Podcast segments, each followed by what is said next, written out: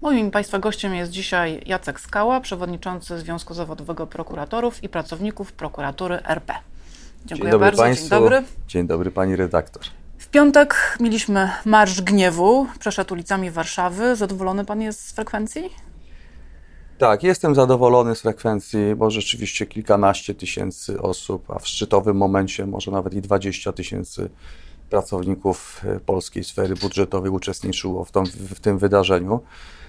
Natomiast uważam, że tego rodzaju marsze w przyszłości no, powinny skupiać jeszcze większą liczbę pracowników budżetówki, bo pamiętajmy o tym, że to jest grupa, która liczy ponad milion pracowników, więc więcej osób powinno wychodzić na takie marsze na ulicę Warszawy, żeby przekaz dotarł z jednej strony do rządzących, ale z drugiej strony również do tych, którzy aspirują do przejęcia władzy wykonawczej, ustawodawczej, bo też oczekujemy od tej grupy deklaracji w zakresie naszych słusznych postulatów, które podnosimy właśnie już od dłuższego czasu.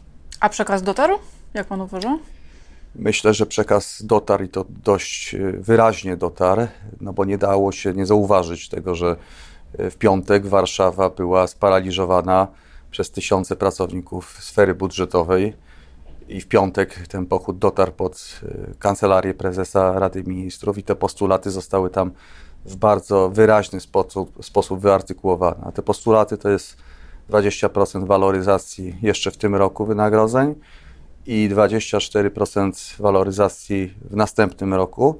No i podstawowy postulat ustrojowy, można powiedzieć, systemowy, czyli powiązanie wynagrodzeń pracowników budżetówki ze średnią płacą w gospodarce. Dopóki to nie zostanie załatwione, dopóty pracownicy będą co rok, co dwa wychodzić na ulicę, będą żądać, walczyć o, o, procenty, a tu chodzi o to, żeby państwu zapewnić stabilność, spokój, sprawne funkcjonowanie, bo to leży w interesie zarówno państwa, jak i obywateli.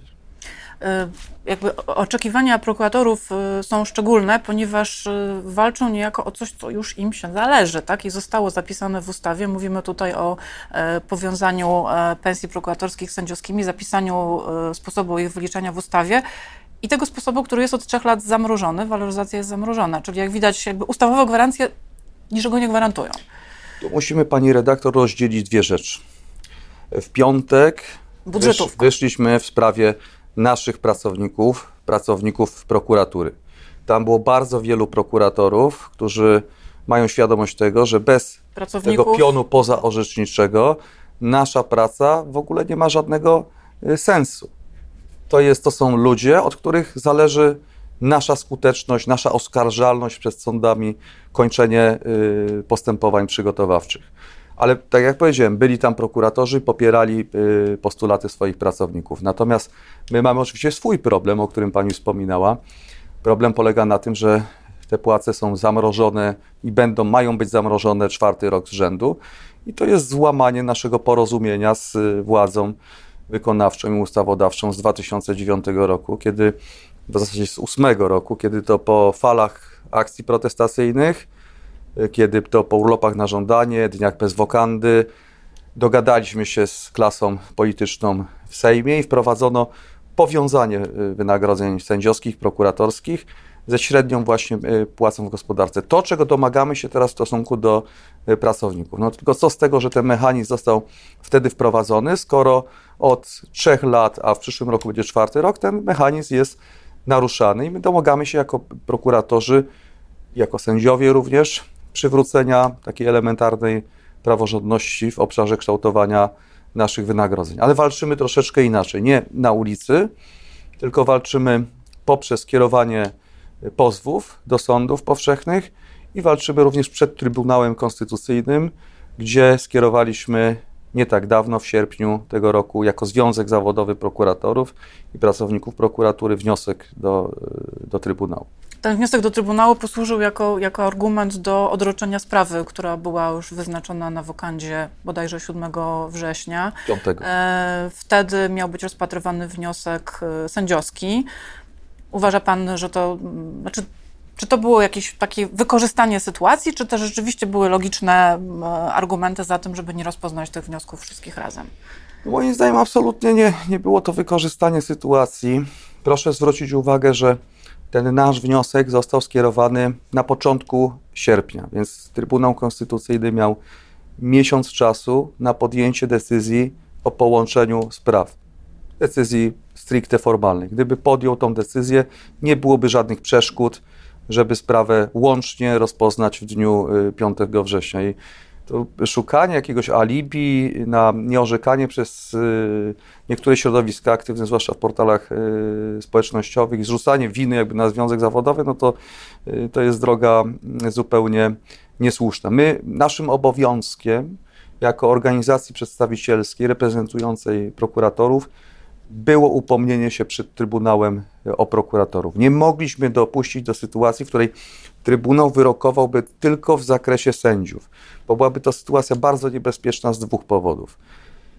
Po pierwsze, mogłoby to doprowadzić tego rodzaju wyrok i uzasadnienie tego wyroku do wyłomu w zasadzie podstawowej dla nas zasadzie ustrojowej równości wynagrodzeń sędziów i prokuratorów, a po drugie, mogłoby być to również niekorzystne dla, można powiedzieć, już setek spraw, które toczą się przed y, sądami z powództw prokuratorów, którzy y, skierowali do sądu pozwy, kwestionując to działanie rządu polegające na niestosowaniu mechanizmu, który jest przewidziany w ustawie prawo o prokuraturze.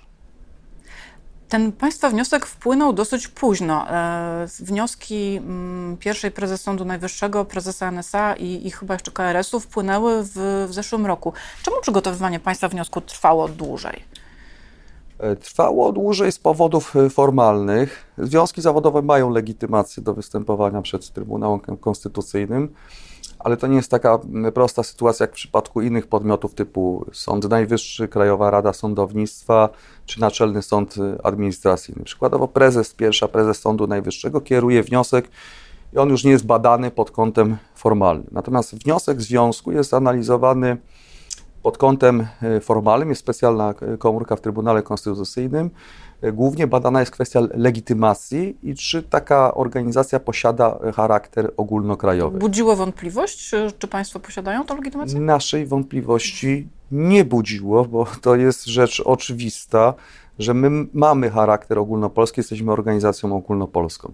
Ale wzbudziło to wątpliwość Trybunału Konstytucyjnego w 2013 roku, kiedy skierowaliśmy taki wniosek również podobnej treści do Trybunału, zresztą w porozumieniu ze Stowarzyszeniem Sędziów Justicja. I wtedy Trybunał na etapie wstępnego badania wniosku zakwestionował nasz ogólnopolski charakter. Żeby nie było możliwości kwestionowania tego ogólnopolskiego charakteru, musieliśmy przeprowadzić szereg bardzo złożonych y, procedur formalnych. Przede wszystkim zmieniliśmy statut. W statucie wskazaliśmy kazuistycznie, gdzie mamy organizacje związkowe, Mamy w 46 prokuraturach okręgowych organizacje i chyba w 7 albo 8 prokuraturach regionalnych, więc we wszystkich praktycznie y, prokuraturach, bez raptem y, kilku. I jednocześnie nadaliśmy w tym statucie związkowi charakter organizacji ponazzakładowej, międzyzakładowej. To musieliśmy ujawnić również w Krajowym Rejestrze Sądowym, więc zgłosiliśmy stosowny to wniosek. Też trwa. To też trwa. To też trwa, bo to są, to są miesiące. I dopiero w momencie, kiedy Y, KRS zarejestrował te nasze zmiany, uzyskaliśmy gotowość formalną do wystąpienia z takim wnioskiem i w pierwszym możliwym terminie zwołaliśmy posiedzenie y, Rady, gdzie podjęliśmy decyzję o skierowaniu wniosku, podjęliśmy stosowną uchwałę i dopiero wystąpiliśmy do Trybunału Konstytucyjnego. Wcześniej się nie dało. W pierwszym Czyli możliwym Tyle momencie. zabiegów, żeby ten konkretny wniosek skierować do, do Trybunału. Przygotowaliśmy go tak od strony formalnej, żeby nie było jakichkolwiek wątpliwości, żeby nie było żadnego punktu y, zaczepienia umożliwiającego y, odrzucenie tego wniosku y, z powodów formalnych. Jak pan sądzi, jakie będą teraz dalsze losy tej, tej sprawy? Czy Trybunał, bo Trybunał lubi mm, wkładać do szuflady na, na długo różne sprawy. No przede wszystkim to jest ustawa czasowa, tak? Także mówimy o ustawie okołobudżetowej, która obowiązuje w trakcie 2023 roku. Także w mojej ocenie Trybunał tu powinien działać, jak to się ładnie mówi, bez zbędnej zwłoki. Bez zbędnej zwłoki. I no my oczekujemy, że niezwłocznie Trybunał wyznaczy tą rozprawę i to będzie jeszcze jesienią y, tego roku. No i sprawę rozstrzygnie. Oczywiście mm, ja tu nie chcę wpływać w ten sposób na, na orzeczenie, ale y, no, rolą Trybunału jest również strzeżenie tej praworządności w obszarze elementarnych uregulowań dotyczących y, wynagrodzeń. sędziowskich i prokuratorskich, bo to jest też, na to chciałem zwrócić uwagę, gwarancja niezależności właśnie sędziów i prokuratorów. Prawo do wynagradzania kształtowanego poprzez ustawę, bez żadnych odstępstw, bez tego rodzaju kiwania się, jakie jest stosowane od czterech lat, gdzie inną ustawą zamraża się mechanizm, y, który obowiązuje od 2009 roku, bez jakichkolwiek przesłanek makroekonomicznych. Bo można byłoby to zrobić, gdyby rzeczywiście sytuacja no za pierwszym razem argumentem był COVID, tak? No i to był taki argument. Tak, i myśmy no... to, pani rektor, zaakceptowali, tak? Nawet ja osobiście nie skierowałem powództwa, jeżeli chodzi o, o rok 2021, bo uznałem, że sytuacja była nadzwyczajna. Ale w pozostałych latach, mówimy o roku 22, 23, idzie rok 24, nie ma żadnych przesłanek makroekonomicznych. Sytuacja budżetu jest bardzo ale to bardzo korzystna. Rząd chwali się za chwilę na konferencjach prasowych y, wzrost ściągalności podatków, prawda, wzrost, wzrost gospodarczy, wpływy do budżetu, więc nie ma żadnej przesłanki, żeby stosować mechanizm zamrożenia, zwłaszcza, że są inne grupy zawodowe, wobec których takich działań się nie podejmuje. I mówię tu właśnie nie o trzeciej władzy, czyli nie o sędziach, nie o prokuratorach, ale o politykach, władzy ustawodawczej i wykonawczej, którzy przyznali sobie chociażby w ubiegłym roku e, dość wysokie podwyżki. A nam jakie, są, jakie są argumenty za zamrożeniem w takim razie? Oczywiście tych, którzy tego zamrożenia dokonują. Kapitalne pytanie, ale to trzeba by chyba skierować Adresata zmienić. No to pytanie do Ministerstwa Finansów. Ministerstwo Finansów próbowało w jakiś sposób też w postępowaniu przed Trybunałem, wcześniej w konsultacjach międzyresortowych, wytłumaczyć to swoje stanowisko, ale tam nie ma żadnych argumentów. Tam nie ma żadnych argumentów merytorycznych. A skoro nie ma argumentów merytorycznych, no to powstaje takie przypuszczenie, że mamy do czynienia z decyzją o charakterze niemerytorycznym. A jak niemerytorycznym, no to. Politycznym. Dziękuję pani redaktor, że pani to powiedziała, no bo ja nie mogę, bo ustawa nakazuje mi tutaj zachować apolityczność. Zachować apolityczność. Rozumiem, że prokurator generalny ministra sprawiedliwości jest po państwa stronie w tym sporze z ministrem finansów. Formalnie tak, bo on uczestniczył w y, konsultacjach międzyresortowych również i tam przedstawił za każdym razem, kiedy te płace były zamrażane, tam przedstawiał stanowisko, wskazując na to, że jest to rozwiązanie niekonstytucyjne, że jest to rozwiązanie, które rodzi ryzyko kierowania przez prokuratorów, przez sędziów powóz do sądów powszechnych, które mogą zostać e, uznane za słuszne i rzeczywiście tych wyroków korzystnych mamy coraz e, więcej.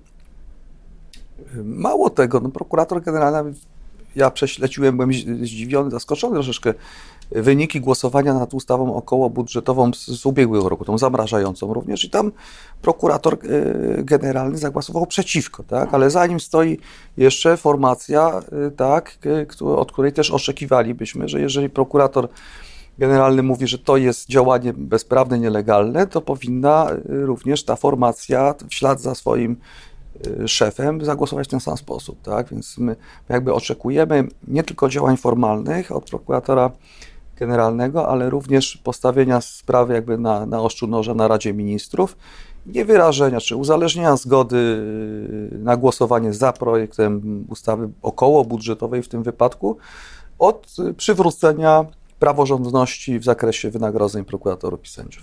Wspomniał Pan, że Pan y, jako Jacek Skała rozumie e, zamrożenie w 2021 roku, zrozumiałam, że w takim razie procesuje się pan o 2022-2023, tak?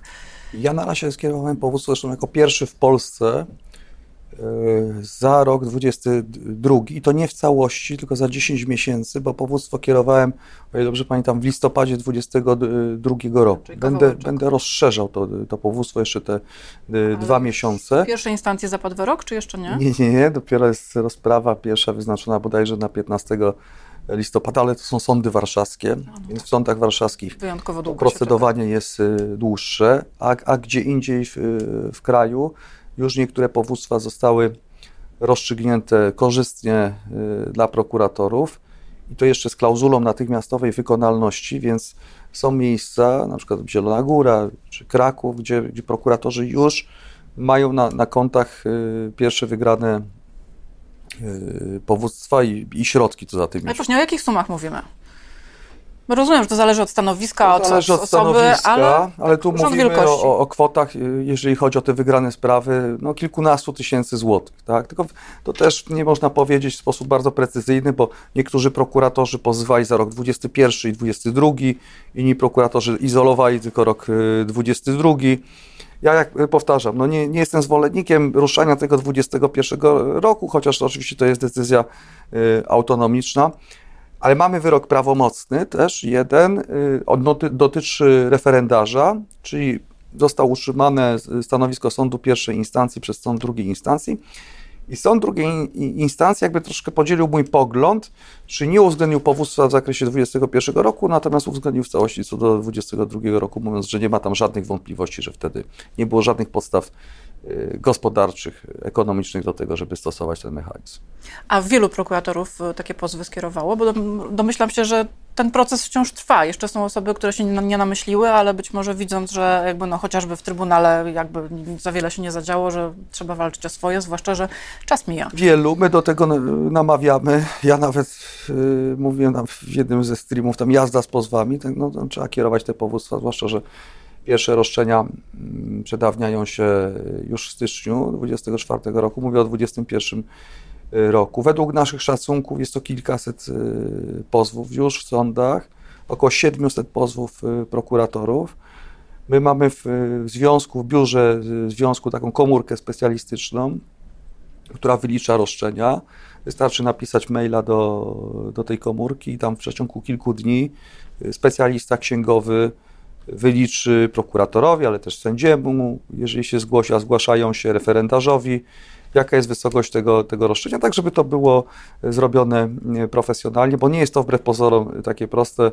Zwykły kalkulator nie wystarczy, zwłaszcza jeżeli pojawią się jakieś komplikacje typu y, zwolnienia Urlop, lekarskie, urlopy, to już to obliczenie nie jest wcale takie proste. Więc zachęcam do, do korzystania też z naszej specjalistycznej wiedzy. Mamy specjalną komórkę do tego.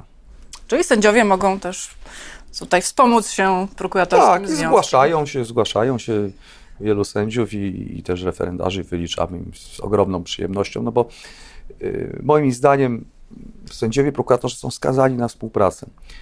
Y, przed 2008 rokiem, rokiem próbowano wmówić niektórym sędziom, że y, powodem, że oni nie dostają podwyżek, takim balastem są prokuratorzy i ten system powiązania. Ale my usiedliśmy wtedy z, z ówczesną justicją i stwierdziliśmy, że nie należy iść tą retorykę, że to jest woda na, na młyn y, Rządzące. władzy wykonawczej. Zwarliśmy szeregi i wspólnymi działaniami sędziów, prokuratorów skupionych na forach internetowych, wtedy sędziowie NET, prokuratorzy NET, Justicja, nasz związek, Komitet Obrony Prokuratorów, zwarliśmy szyki i doprowadziliśmy do rozwiązania, które okazało się rozwiązaniem bardzo dobrym, korzystnym, no tylko, że teraz nie jest stosowane. Więc co trzeba zrobić, żeby przywrócić to rozwiązanie? Zewrzeć szyki. Oczywiście współpracować. Jesteśmy skazani na współpracę. Ktoś, kto tego nie rozumie, no to no po prostu nie ma takiej elementarnej wyobraźni, nawet nie prawniczej, tylko po prostu elementarnej wyobraźni. To cóż, rzadko to mówię prokuratorom, ale życzę panu sukcesu w sądzie i życzę podwyżki. Dziękuję bardzo. Moim państwa gościem Dziękuję był bardzo. pan prokurator Jacek Skała.